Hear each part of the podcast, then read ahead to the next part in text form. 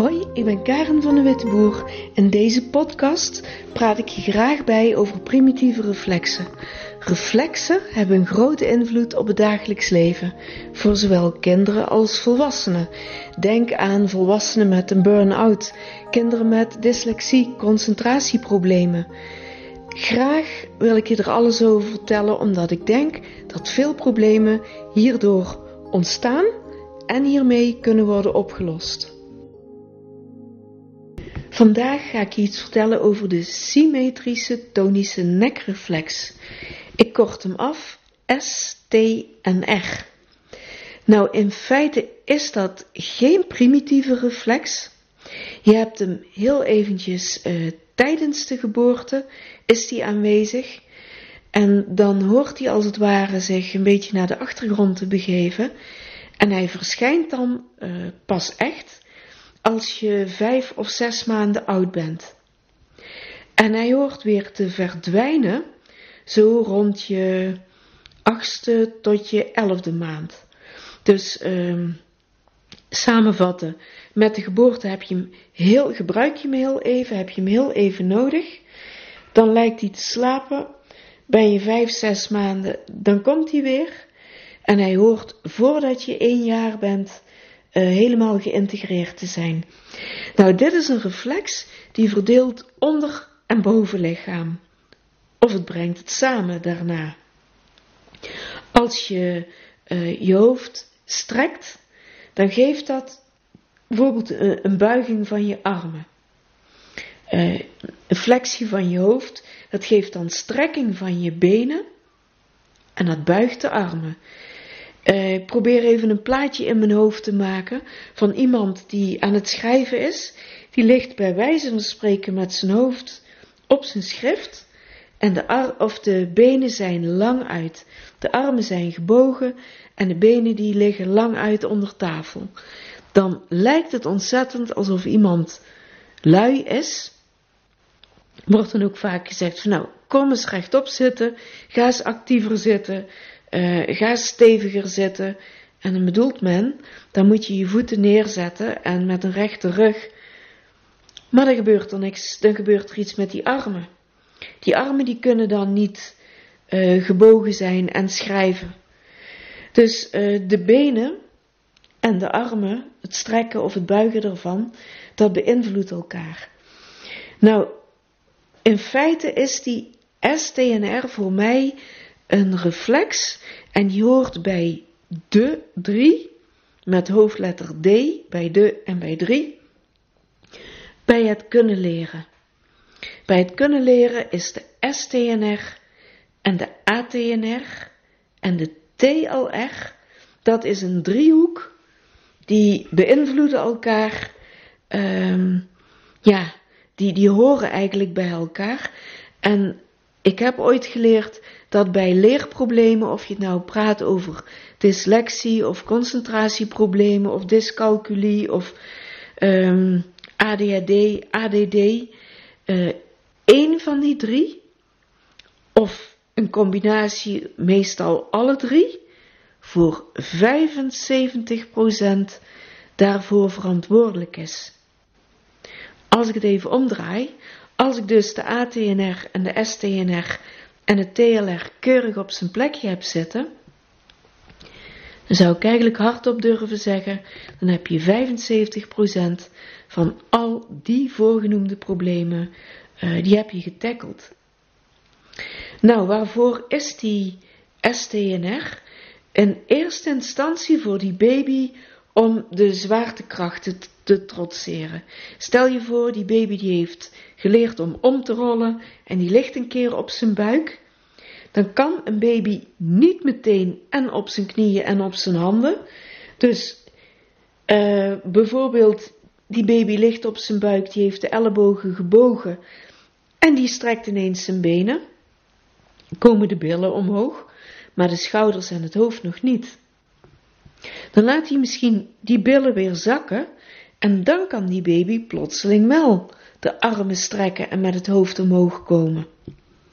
En zo is die baby eigenlijk wat uh, aan het experimenteren en aan het oefenen, totdat hij op het idee komt van, hé, hey, ik kan en mijn benen strekken en mijn armen strekken. En dan kom je dus eigenlijk op je knieën en op je handen terecht. Nou, dat heb je, dat begrijp je het nodig uh, om ooit te gaan kruipen. En dit bevordert weer de integratie van de tonische labyrintreflex die de volgende keer komt. Dus de STNR is echt een belangrijke, speelt een hele belangrijke bij ADHD of ADD.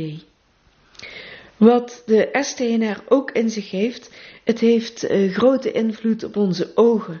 Ver weg kijken, dichtbij kijken. Um, doordat het onder- en bovenlichaam een bepaalde positie geeft, um, maakt dat ook dat ik onder en boven soms omdraai. Als ik het even naar letters uh, toezet, ik zie op het uh, digibord voor me, zie ik een grote W staan. Ik schrijf het in mijn schrift en ik maak er per ongeluk een M van.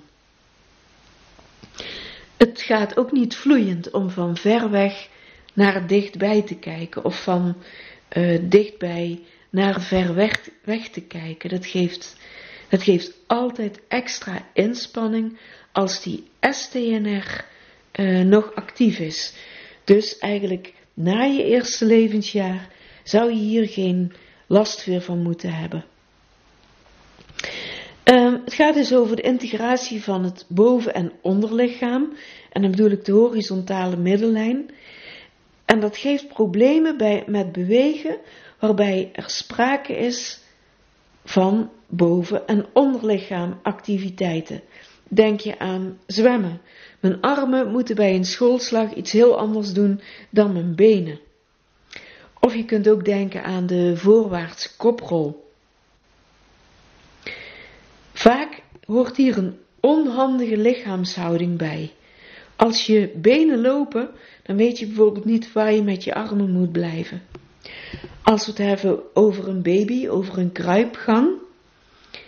Deze kruipen niet op handen en knieën, maar die kunnen of als een soort beren op handen en voeten, gaat het eventueel wel, of dat zijn van die billenschuivers, uh, of tijgeren. En als ze wel in de kruippositie zitten, dan zijn de handen vaak naar buiten gedraaid, om de ellebogen te blokkeren. Want als ik iets met mijn benen doe, dan zakken mijn ellebogen in.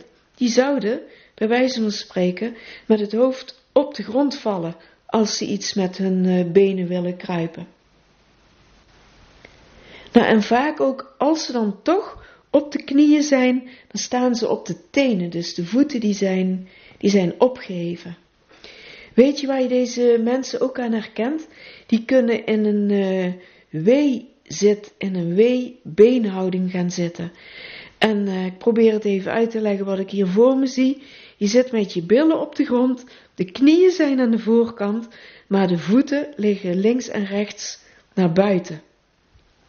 Als je een kind na het eerste levensjaar zo ziet zitten, zijn veel kinderen die op deze manier aan het spelen zijn, die zitten gewoon in die weehouding op de grond, dan is het onderlichaam gefixeerd, dat zit stevig, en dan kunnen ze met hun armen kunnen ze spelen. Maar dan weet je ook, dit kind heeft nog een actieve STNR. Of een kind wat bijvoorbeeld uh, op een stoel zit, volwassenen herken je hier ook onmiddellijk aan, uh, met de voeten om de stoelpoten gedraaid. Of de benen liggen altijd lui naar voren toe en dan is het bovenlichaam actief en gebogen. Of die voeten en die benen die staan goed, wat je dan goed kunt noemen, en je kunt niks met de bovenkant. Kost altijd energie. Dit geeft gewoon heel simpel een slechte oog-handcoördinatie. Uh, een bal vangen, overigens schrijven van het schoolbord. Als je uh, moet fietsen, uh, je benen moeten iets heel anders doen dan dat je je stuur in controle moet houden. En ook nog eens als je dan over je schouder naar links of naar rechts kijkt, dan heb je druk. Handelingen worden vaak traag nagedaan, omdat er, het lijkt wel, iedere keer nagedacht moet worden van oké, en wat moeten mijn armen, wat moeten mijn benen? Nou, afwijkende oogbewegingen in de zin van uh, het verticale volgen, maar dat heb je echt wel nodig bij het lezen van bijvoorbeeld uh, kolommen. Dit brengt leesmoeilijkheden met zich mee. Voor bepaalde activiteiten kan dus in het onder- of in het bovenlichaam uh, de spierspanning te hoog of te laag zijn. En dat weet je wel, dat wil je niet, dus men is voortdurend aan het compenseren. En dan snap je, als ik de hele tijd aan het compenseren ben, dat kost extra kracht en extra energie. En misschien moet ik die energie wel besteden om op te letten wat men aan het vertellen is. En als ik dit zo samenvat, uh, natuurlijk gaat dit ten koste van concentratie, van oplettendheid. De aandacht kan dan niet altijd optimaal zijn. Snap je wat ik bedoel als ik zeg dat één van deze drie, ATNR, STNR, TLR, voor uh, of de, de combinatie van die drie, dat dat voor 75% verantwoordelijk is voor alle leerproblemen. Nou, dus iemand, een volwassene of een kind, met een restant van een STNR, die krijgen ook heel vaak te maken met ADD of ADHD. Gewoon vanwege dat verhaal van de concentratie. Dus, goed nieuws, hier valt echt in te verbeteren. Ben jij iemand of ken jij iemand die in die weezit kan zitten na het eerste levensjaar? Of iemand die altijd uh, met zijn voeten om de stoelpoten gedraaid zit? Dan weet je, hier is nog een STNR. Nou, een goede reflexintegratietherapeut kan je hier op weg helpen. En het zou zomaar kunnen als je dit met een, uh, een schoolkind integreert, dat een stuk van de dyslexie ineens verdwijnt als sneeuw voor de zon. Dus, heb je vragen? Kom naar de praktijk over de STNR. Oké, okay, dankjewel.